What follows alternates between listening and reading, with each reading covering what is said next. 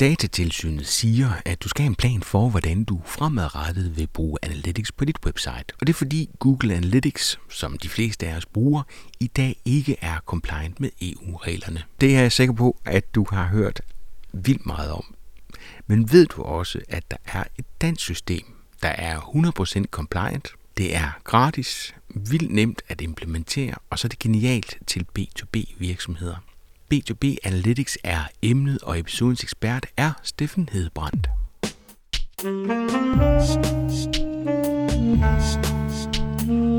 Velkommen til Potterkort, en podcast om markedsføring på internettet. Din vært er Ip Potter.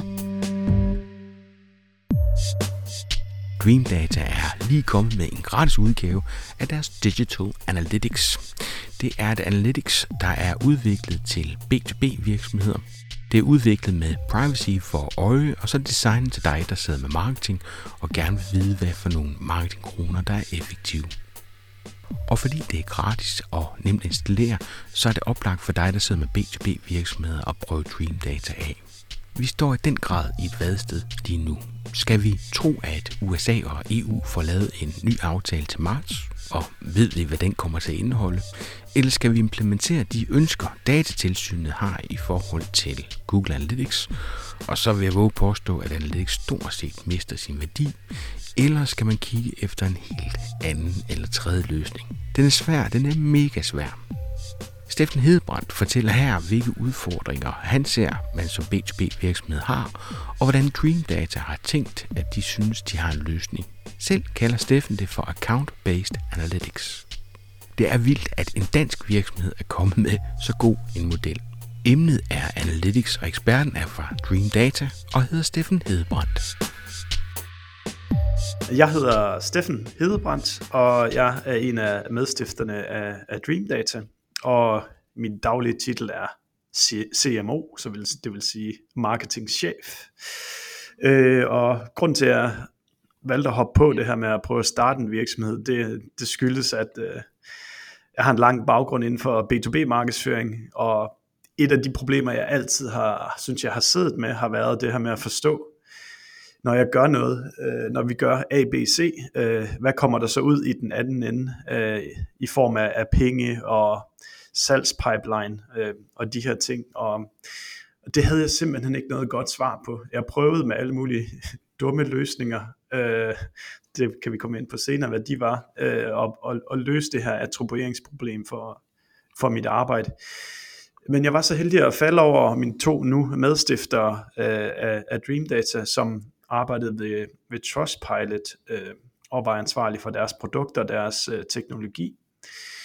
Og den idé, de fik dengang, var dybest set, at de byggede noget teknologisk infrastruktur, der holdt øje med, hvad sker der med hver eneste virksomhed, der bliver oprettet på Trustpilot, indtil at øh, Trustpilot havde solgt til de her virksomheder. Så hvad er alle de her, hver gang vi har en interaktion med de her virksomheder, der oprettede sig på Trustpilot, hvad skete der så? Og det er lidt den samme øh, teknologi, vi forfølger i dag med Dream Data. Vi vil gerne tage alle berøringer, du har med B2B virksomheder, i, eller med dine kunder i din B2B virksomhed, og så skrive dem ind på en liste. Og så kan man diskutere bagefter, hvilken af berøringerne var den vigtigste, men vi vil i hvert fald gerne have, at al den information og data, du har til rådighed, det bliver lagt ind i en overskuelig tabel, sådan at vi kan diskutere, hvad, hvilke af de her berøringer, som betød noget. Så jeg lavede et analyseapparat, der kigger mere på virksomhederne og personerne. Jeg vil allerede her slå ned på vigtigheden af, at, at den datamodel, som det hedder med et fint ord, siger, at der er sådan noget som en B2B-kunderejse, og ikke en rejse af en hel masse individer, eller en hel masse telefoner, computer og tablets, som gør alt muligt. Og det, betyder simpelthen, at hvis Ip og Steffen er en del af den samme kunderejse, så går vores berøringer ind på den samme tidslinje, frem for vi to er to forskellige øh, mennesker. Øh, og det er jo typisk det, man ser i B2B, er, at man køber som et team, eller man er måske en købskomité af to, tre, fire mennesker, der skal beslutte, er det den software der, eller er det den anden software, og hvem er det så, der skriver under på kontrakten, så du sidder lige pludselig med to, tre, fire, fem mennesker, som alle sammen har to, tre, fire forskellige devices, øh, og som alle sammen deltager i, i kunderejsen. Og det, de der systemer, vi er vant til at bruge, bare er ikke super gode til at, at arbejde med. Det kunne være Google Analytics eller Facebooks reklamesystem. Eller, Nej, fordi ja, hvad, hvad, er problemet, hvad er problemet med dem? Kan du, kan du prøve at definere det? Altså, ja, det jeg hører dig sige, det er, at I har opbygget en, øh, en datamodel, var det du kaldte det? Ja, som, som tager udgangspunkt i, at øh, det er de mange berøringer fra samme virksomhed, fra forskellige devices, I formår ja. at samle. Hvad, hvad gør folk i dag? Kan du prøve lige at sige noget om, hvad, hvad er det for nogle begrænsninger, der er, når man bruger Google Analytics?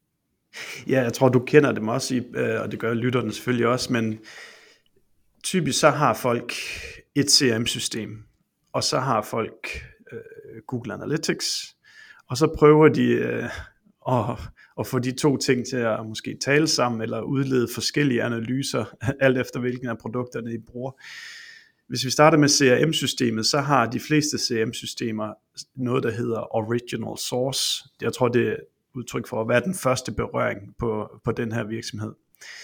Øh, og der her kommer vi ind i lidt af sådan, retorisk lyder det jo meget øh, interessant, at det, her står den første berøring på den her virksomhed.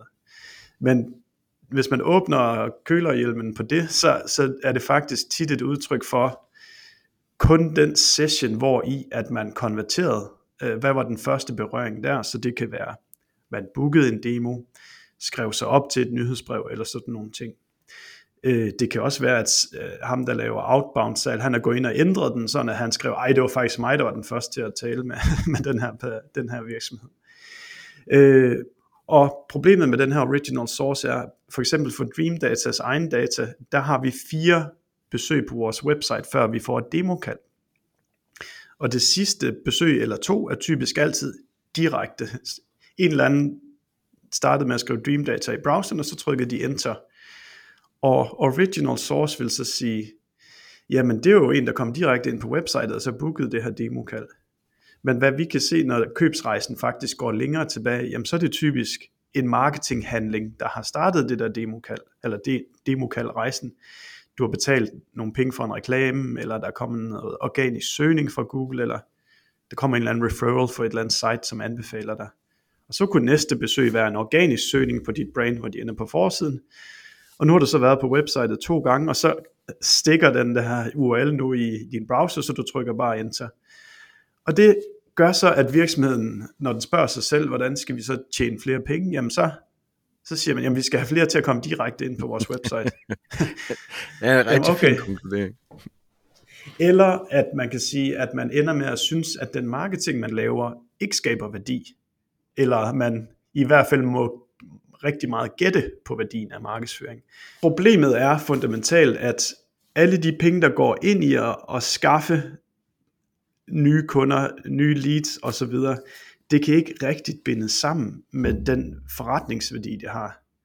Og så ender du med i de her, når verden begynder at blive lidt konservativ, og det er sådan lidt økonomisk usikkert, så siger man, lad os bare droppe 50% af markedsføringsbudgettet.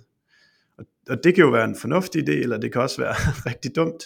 Men hvis ikke man forstår, hvordan ens investering normalvis påvirker omsætning hele vejen ned til de kunder, du vinder, jamen så risikerer du at få slukket for, for alle de ting, som faktisk holder dine sælgere optaget med at arbejde. Så hvis jeg prøver at samle op, så kan man sige, at det du siger, der er udfordring, det er, at den model, som for eksempel Google Analytics bruger, at den ikke er egnet til B2B-delen, fordi at det er mange forskellige mennesker, der er indover, og at den kanal, som går ind og skaber konvertering, ikke nødvendigvis er den rigtige kanal i forhold til den brugerrejse, der er. Kunne vi prøve at dykke ned i, for jeg tænker, du må have sindssygt meget B2B-data, øh, så vi kan få sådan nogle øh, tre insights til den klassiske B2B-brugerrejse. Jeg ved godt, det er farligt, øh, alt efter hvor meget data I har, også at turde konkludere på det, men det kunne være rigtig fint for at ligesom få en fornemmelse af, hvad er det for en problemstilling, vi står overfor. Ja, det, vi, faktisk lige før sommeren udgav vi nogle, øh, nogle benchmarks om vores kunders data sådan i en anonymiseret form og prøve at trække nogle gennemsnitter ud. Øh, og jeg kan prøve at tage nogle af de tal, jeg lige kan huske fra hovedet, øh, som jeg tror, det ved vi godt, når vi er i B2B, men vi glemmer det måske nogle gange. Øh, og det første var, at den gennemsnitlige kunderejse fra første touch indtil at du har solgt til den, tager 192 dage. 192 dage fra første gang, man møder den. Ja, du var ved at give et eksempel. Ja, altså du køber et klik på en reklame, og så venter du ind i 192 dage, og så får sælgeren så skrevet under på kontrakten. Det næste er, at den gennemsnitlige B2B-handel havde 31 sessions. Og den sidste del er, at øh, den gennemsnitlige øh, kunderejse havde mere end to mennesker involveret i handlen. Så 192 dage fra øh, den første interaktion, der skal vi lige blive enige om, det er jo ikke fra, at man har set noget, det er vel fra, at man kommer ind på websitet. Ja, lige til, præcis. at man udfor, udfylder en, en formular nede, til man køber. Ikke? Ja, og ja. vi kan sige her, at det de typiske virksomheder, de kan svare på, det er, hvornår så vi den her virksomhed første gang i vores CRM-system? Altså, mm. der er en eller anden, der har skubbet en eller anden formular igennem. Det vi kan se er, at tiden, hvor man er uidentificeret, hvor man researcher, den er typisk 1 til 1,5 gange så lang tid, som den tid, hvor de er identificeret.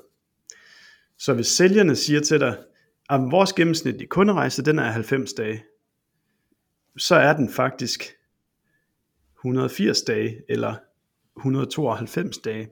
Ja. Og det er bare mega vigtigt at vide, fordi hvis vi planlægger vores marketingsforbrug efter ting tager 90 dage, jamen så den måde vi forstår vores eksperimenter på er forkert, og vi rammer måske ved siden af vores salgsbudget, fordi vi er alt for sent ude med at få brugt de her penge.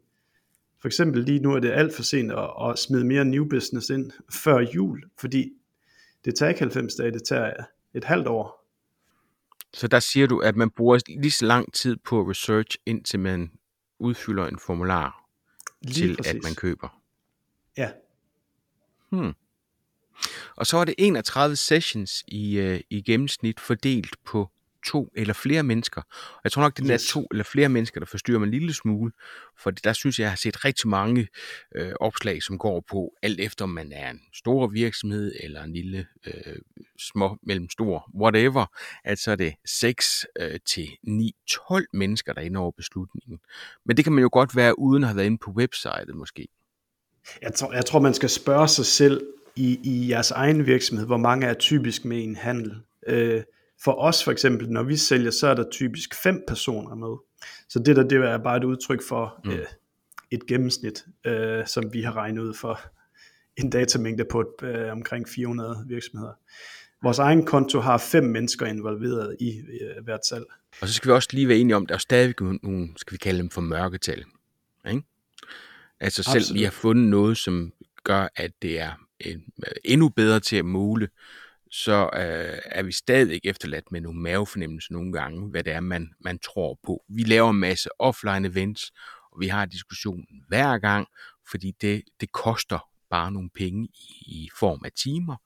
Og, mm. øh, og der står vi tit bagefter og tænker, øh, det var en god dag, vi fik lov til at møde nogle spændende mennesker, men har det værdi rent marketingmæssigt? Og vi er ikke uenige om, at det har det, men vi er også nødt til at give hinanden øh, hånd på, at vi, vi tror på det, fordi det er ikke direkte målbart. Ja, øhm, og der er nogle marketing ting, som giver værdi, som man ikke kan måle. Øh, men eksempelvis, hvis det er sådan, du ved, hvem der har deltaget på eventet, for eksempel ved din fremragende marketingcamp, så vil du jo faktisk kunne tage al, alle de e-mails og alle de mennesker, så kan du sammenligne med, ind i jeres CRM-system, hvem har så købt noget af CO3 senere på et eller andet tidspunkt. Det kunne man gøre med et stykke software, men man kunne også gøre det i hånden og så sige, er der nogen af dem her over årene, der har deltaget i alle IPS events, der har endt med at købe noget. Men et, øh, typisk i dag, så er LinkedIn jo gigantisk, særligt hvis du er i B2B. Og der foregår jo mange ting, hvor vi aldrig får den information øh, at vide eller en Slack-gruppe, hvor folk sidder og chatter om et eller andet nørdet. Mm. Så, så vores produkt handler om, al den information, vi har til rådighed, den skal vi få det meste ud af. Men der vil altid være, du vil aldrig høre os sige, at du kommer til 100% her. Det vil være noget vågst at sige. Der sker jo alt muligt. Hvis jeg skal købe på løbesko, så ved jeg, hvem jeg skriver til. Og hvis jeg skal købe en ny mikrofon, så er det nok dig, jeg skriver til. og sådan har vi jo forskellige mennesker, der bare influerer, som virksomheden aldrig får at vide, øh, har indflydelse på min købsrejse. og når man begynder at sige alle de her ting, så kan man jo godt sådan se for sig, at Google Analytics begynder at, knage sådan rundt i krogene på, for at beskrive, hvad der er, der sker her. Og en ting, vi ikke lige har talt om endnu, øh, det er jo, at Google Analytics, hvis du er en, en webshop, der sælger enkelte produkter, jamen så får Google Analytics information omkring, hvad var værdien af den her transaktion. Mm. I B2B virksomheder, så står det måske i et ERP-system eller et CRM-system. Vi solgte til en kontrakt til den her værdi af en halv million kroner eller sådan noget, og det får du aldrig puttet tilbage ind i, i Google Analytics. Og, og hvis man er sådan nogenlunde fornuftig omkring marketing, så vil man gerne lave marketing for, at den investering, man laver, den giver mere omsætning tilbage, end, end det man brugte på at, at skabe den. Øhm, så det er sådan nogle af de der fundamentale problemer, som Google Analytics har. Hvis man bliver en lille smule mere teknisk omkring Google Analytics, så er det jo, så kigger Google Analytics, øh, så vidt som jeg forstår det, på individuelle browser. Og bare det, at du kommer fra din telefon og så computer den næste dag, ligner to forskellige mennesker, der gør noget selvom at det er bare den samme person, der er i gang med en, en kunderejse. Og hvis vi skal sådan gå ind i nogle tips, eller have tips til, hvad der sker i fremtiden, så, så tror jeg, at de fleste virksomheder vil begynde at have, få det, der hedder en, en CDP, en Customer Data Platform. Og det er egentlig, skal jeg prøve at forklare det simpelt, det er egentlig en, øh, sådan en ting kan lave en liste over IP, og IP, hvor mange e-mailadresser har IP, og hvor mange forskellige øh, devices har IP, altså en computer og en telefon og en tablet. Og det vil sige, sige over tid bygger man en liste af, hvem er det IP han er digitalt, hvorfor nogle e-mailadresser er det han har, og hvorfor nogle devices er det han har. Sådan at man kan se din bevægelse på tværs af alle de her forskellige enheder. Øh, og det, det, det er en teknologi, som både kommer til B2C og B2B øh, som stadigvæk i dag kræver lidt, at du har nogle folk med noget teknisk snille at sætte op, men jeg tror at fremadrettet bliver det en naturlig måde at, at sætte ting op på. Det kunne man godt forestille sig, og lige nu det er ikke kun den tekniske del, det er også prisen øh, er, er ja. synes jeg, vanvittigt høj. Ikke? Men, men det, det, man kunne sammenligne det med, det er, at det er et slags CRM, som går hen og bliver, bliver beriget af, af data.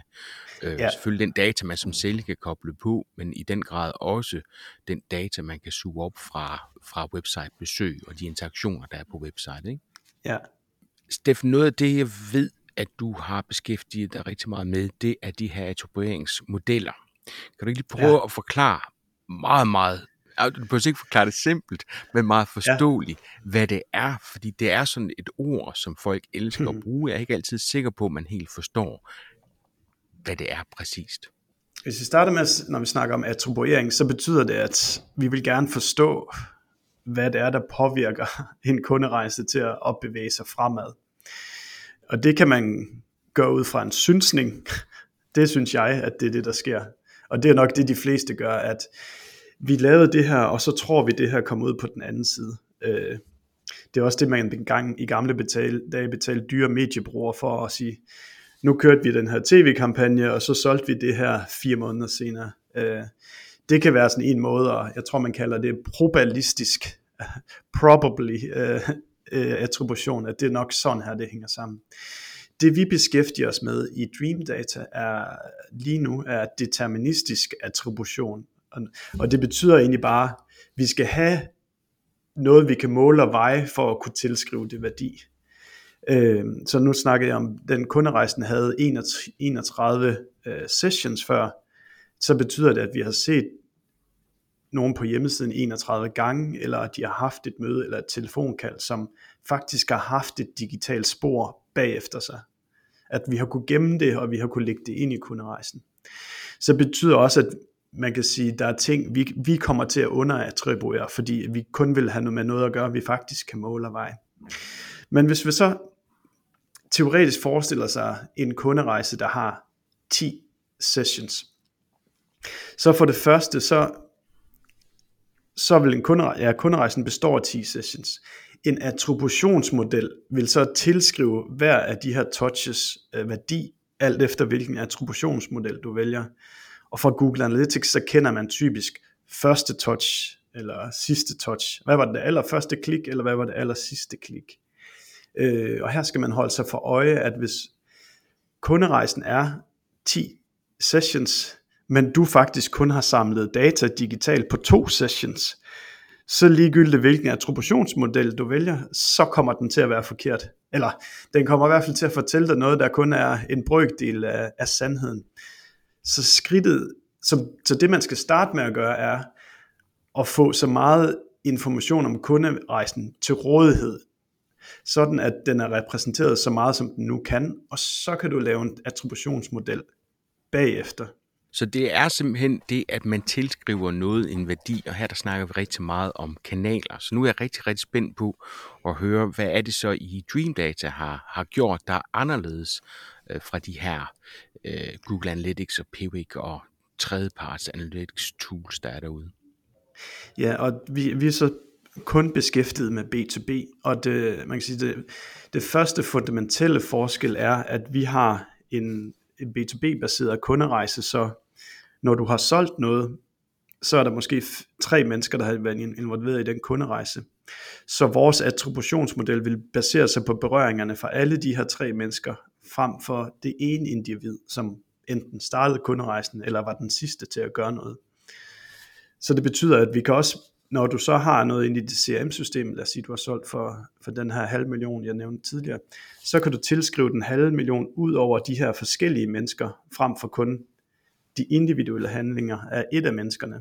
Mm. Og det er typisk sådan, at det sker i B2B, at der er en, der kommer ind på dit website, fanger interessen, så begynder han at inddrage sit team, og så har de måske endda en chef, der skal skrive under på kontrakten. Og hvis ikke du ligesom har de her mennesker i den samme tidslinje, jamen så siger du, at så vil du bare gerne have flere folk til at komme direkte ind på hjemmesiden og underskrive en kontrakt. Men det er overhovedet ikke der, at kunderejsen den kommer fra. Den kommer jo fra, at du har fået startet noget efterspørgsel ved, at der er nogen, der har klikket på en reklame, set nogle SEO-artikler, eller hørt et podcast, eller et eller andet. Så, så hvad er det, I kan hive med ind i jeres model? For der må stadig være en del ting, I ikke kan hive ind. Altså, øh, der, der ja. er jo mange ting derude, som ikke er direkte sporbare, men som stadigvæk er med til at påvirke den enkelte i forhold til få øje på jer, blive overbevist om, at det er en plausibel løsning, I har, og ja, så tage fat ja. i jer.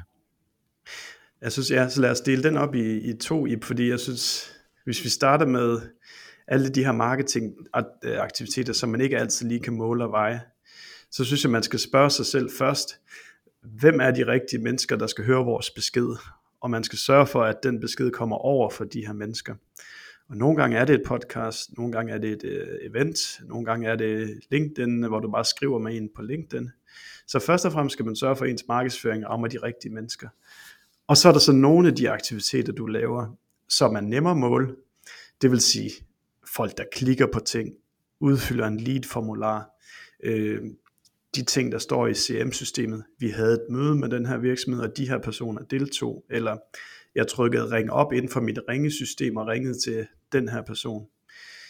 Mit e-mail automatiseringssystem sendte mails til de her mennesker, og ud af dem så klikkede de her.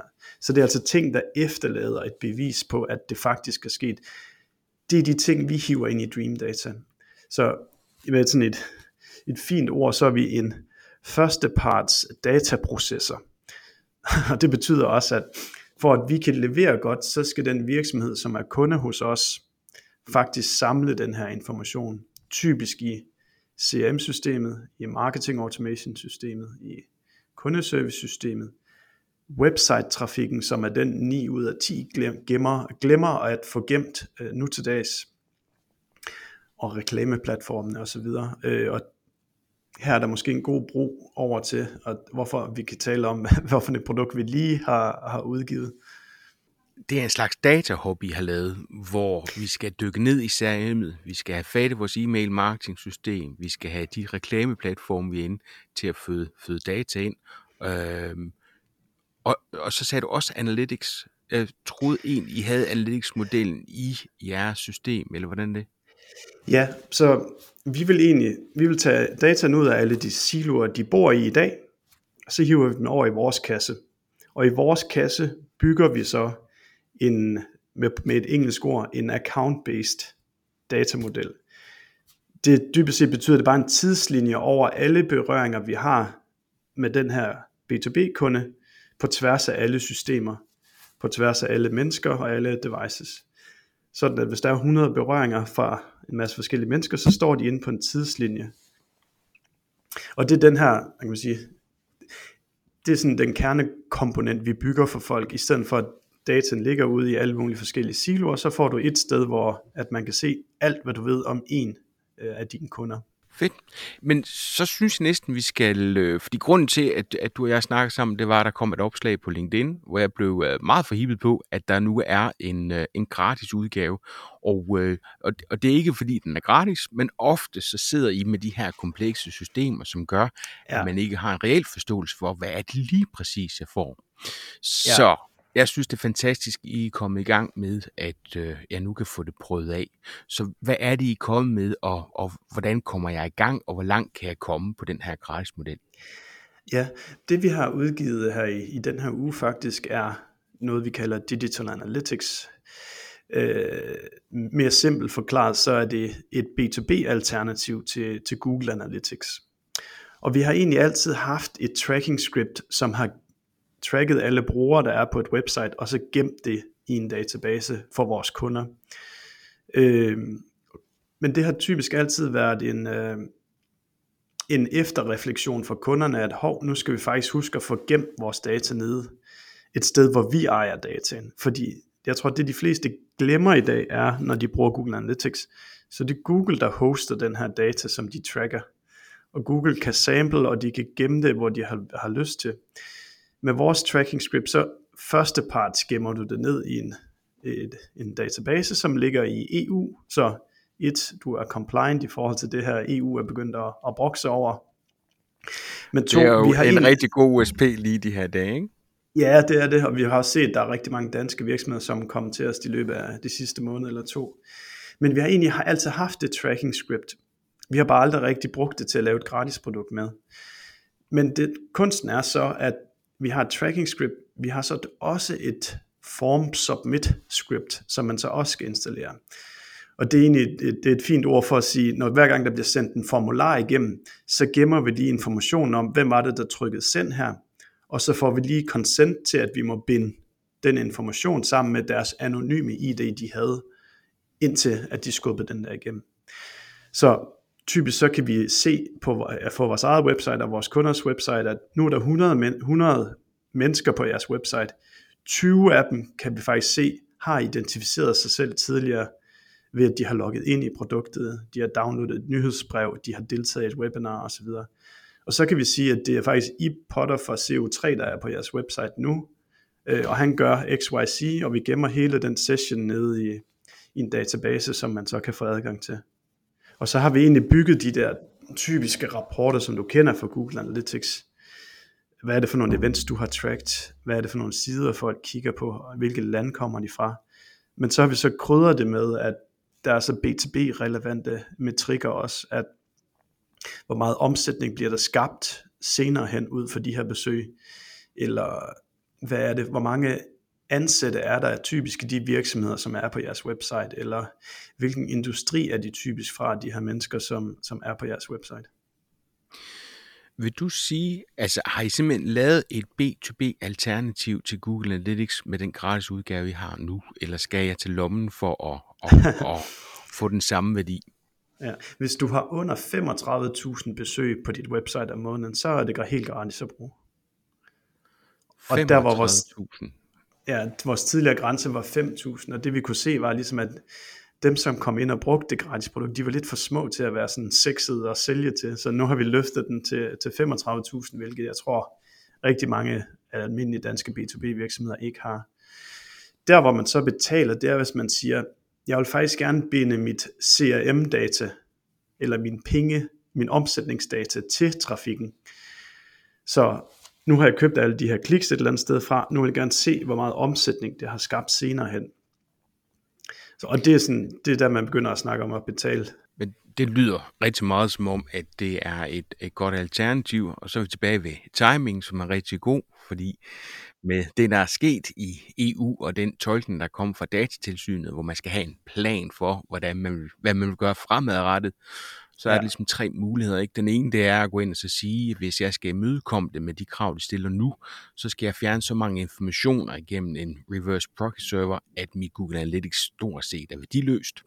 Eller også så kan jeg vælge at tro på, at der kommer en ny aftale til marts, og den er så god, at Google Analytics fortsat er et, øh, et alternativ. Eller også skal jeg kigge øh, mig om efter noget tredje. Og, og der kunne det tredje så være jeres gratis model.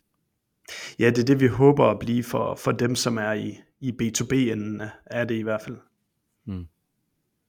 Hvad misser jeg, Steffen? Altså, har I, har I virkelig lavet noget, som, som er på lige fod med Google Analytics, eller er der nogle informationer, som jeg, altså er der nogle ting, som I har vurderet er nice to have, men ikke need to have? Ja, det, det har vi helt klart. Vi har helt klart taget nogle fravalg, som Google, hvis du er en B2C virksomhed, så vil du opleve, at Google Analytics 4, som det nu hedder, er et produkt, der er skabt til dem, altså skabt til e-handel. Øh, hvor at det her, vi har alle de rapporter, som vi ikke synes, en B2B virksomhed skal gå op i, det har vi selvfølgelig det har vi udladt og ligesom at, at producere. Øh, men altså, jeg synes, man kan jo prøve, i stedet for tænke sådan, øh, at man skal vælge den ene eller den anden løsning, så kan man jo man bare prøve at starte gratis og så se, hvad, hvad man foretrækker. Det er i hvert fald et godt forslag. Jeg har, vi har kørt med rigtig mange systemer de sidste år, fordi vi har ja. godt set, hvor vi er på vej hen. Så vi har prøvet sindssygt mange forskellige systemer af, og der er pro and cons ved, ved alle. Jeg vil sige, at det er første gang, jeg sådan løbet ind i nogen, som er rent B2B, og det tænker jeg kunne være, være rigtig interessant, fordi mange B2B virksomheder ved godt, hvad det er, de er efter, men sådan nogen som jer, som har tænkt nogle modeller upfront, det kan også være inspirerende til, hvordan man skal gribe det an fremadrettet. Ja, der er sådan, der er sådan, man kan sige, der er to ekstra små spices, som jeg tror mange vil synes var interessant. Det ene er, at vi har lavet sådan, at, man, at vi løbende aggregerer kost for alle dine, dine reklameinvesteringer ind et sted, hvor du kan se, hvad har jeg brugt af penge på Facebook, Google og LinkedIn, øh, så man ikke skal sidde og gøre det i hånden. Og det andet er, at vi også laver reverse lookup af IP-adresser øh, med i den gratis pakke, sådan at hvis du har taget ind på kontoret, det tror jeg du er i dag, så vil man kunne se, at når du er på hjemmesiden, så er det i hvert fald en for CO3, som er, er på hjemmesiden, før de konverterer. Så det er simpelthen IP-tracking, I har øh, smidt ind i os? Ja.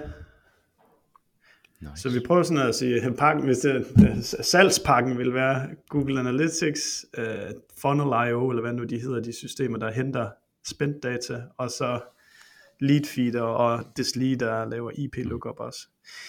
Er de bedre til at, eller for eksempel Funnel har mange flere sources, vi har bare Google, Facebook, LinkedIn, Twitter og Capterra, G2 og Bing. Øh, de har mange flere sources, men vi har prøvet at lave en mm. use case omkring, hvad er det folk bruger mest. Det lyder som om, I, I rammer det, som, som de fleste bruger, ikke? Ja. Hold kæft, timingen er god, Steffen. Det, det, det kommer jeg til at glæde mig sindssygt meget til at kigge ind i. Ja, det, altså sådan, jeg har sådan, hvis vi kan lykkes med det, og sådan lige placere det helt rigtigt, så burde der være et helt enormt potentiale. Og jeg tror, jeg fik, ikke, jeg fik ikke lige helt færdiggjort det, før jeg sagde omkring, at 9 ud af 10 glemmer at gemme deres tracking data. Hvis jeg lige skal forklare, hvorfor det er vigtigt, så når du køber et klik fra hvad en reklameplatform det er, så tager det, lad os sige det i sandheden, 192 dage fra at du har købt klikket, til at du får et salg. Men hvis du først installerer tracking den dag, øh, du begynder at betale for Dream Data, så alle de år, der ligger tilbage af kliks, det ligger inde i Google Analytics server et eller andet sted, hvor du ikke rigtig kan få adgang til det, medmindre du signer op til det her 360 til en million kroner om året, eller hvad nu det er. Så vi vil ligesom gerne skubbe folk frem til, at de får installeret tracking til at starte med, og ligesom gemmer det nede i en database, sådan at man kan tilgå det en dag, hvor man har lyst til at lave de her lidt mere avancerede analyser. Så dataen bliver min egen.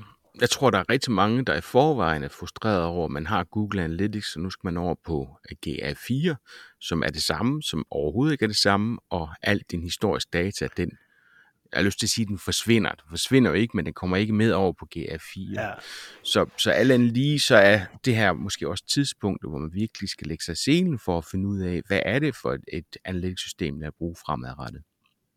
Det, det lyder godt, det, det er godt nok en vild beslutning, de har taget der Google med, ligesom at bare det, at dræbe det gamle der, og ikke tage det med over i det nye. Jeg kan slet ikke forstå det. Men øh, ja. fordi det er fundamentalt, det er jo, altså det er, det er virkelig anderledes. Altså man kan jo se frustrationerne rundt omkring. Jeg tror også, det er derfor, der er nogle af de andre øh, analytics tools, der har tur i den, fordi de faktisk minder ja. sindssygt meget om den gamle analytics, ikke? Ja, Jamen, det gør for du har sikkert, jeg har brugt Google Analytics i 15 år eller en anden stil, og det gør altså, Ja, nu har jeg så ikke brugt det på det seneste, men det gør ondt at skulle lære nyt igen, og du skal lige tænke ja. på en ny måde, og jeg har svært ved at fatte det der events, hvad det er, det betyder.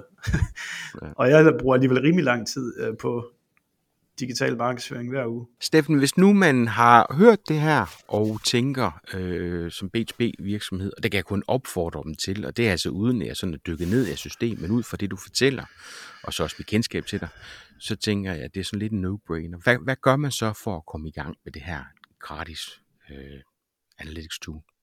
Man går ind på dreamdata.io, og så laver man en gratis konto. Og når man har gjort det, så skal man tage to scripts og installere. Det ene er scriptet, der tracker brugerne, og det andet er det her script, der holder øje med de forms, der bliver sendt igennem. Og når man har installeret begge to, så er man egentlig i gang med at, at gemme data og vil kunne, kunne tilgå den gennem vores applikation, men det ligger også nede i, i databasen. Og så kan man jo egentlig bare lade det stå og komme tilbage om en måned, når der begynder at være samlet mm. lidt data sammen. Og lige for at samle op, du har sagt det, men bare lige være sikker på, at, at alle er med, så er det en script, der går ind og, og samler alle de øh, besøgende, som er på, på websitet, og grund til, at vi gerne vil have formularen på os, det er, det er jo der informationerne om, hvem man er, hvilken virksomhed man kommer fra, så uden den, så jeg vil ikke sige, det er værdiløst, men, men det er jo lige præcis det med at koble formularen på og kunne koble alt data sammen på virksomhedsniveau, som gør det vildt interessant. Og så skal vi jo i gang med at lave noget marketing, så vi kan få nogle formularer udfyldt. Og, og så er vi jo tilbage ved de gode gamle marketingdyder, som egentlig handler om at få skabt nogle permission og leads til, til virksomheden. Ikke? Ja, lige præcis. Du ramte den øh, meget godt der. Jeg får installeret den her gratis udgave og bliver rigtig glad for den og kan se, at jeg får kæmpe værdi i at kunne koble forskellige ting sammen. Hvad kommer det til at koste mig? Hvad er jeres prismodel? Er det efter, hvor meget jeg connecter, eller er det antal besøg, eller antal kontakter? Hvad, hvor er vi henne? Vi, vi har to komponenter. Det ene er, øh, hvad er det for nogle systemer, vi skal arbejde med? Øh, hvor komplekst er den data, vi skal hente ud? Og så det andet er volume, øh, hvor mange besøgende har du på dit website. Øh, og de systemer, som er billigst og får os til at arbejde med, det er Salesforce og HubSpot. Det er dem, der er mest standardiserbare, sådan at når vi trykker på en knap, så kører algoritmerne bare på den måde, de skal. Så hvad, hvad kommer det til at koste?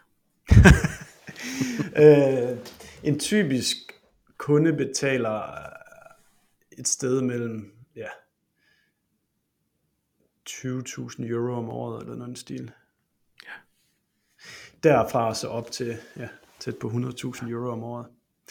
Og hvis jeg skal argumentere min business case her, så som vi typisk gør, så altså vi har mange, mange kunder, der bruger 1 million, 2 millioner, 3 millioner euro om året på reklame på internettet og kan vi, altså, vi skal ikke finde mange procenters forbedringer, for at de ligesom breaker even på at have et produkt som det her. Og når nu vi har ramset op al den her kompleksitet og begrænsning, der er i deres nuværende setup, så, så er det faktisk tit muligt at få enderne til at mødes.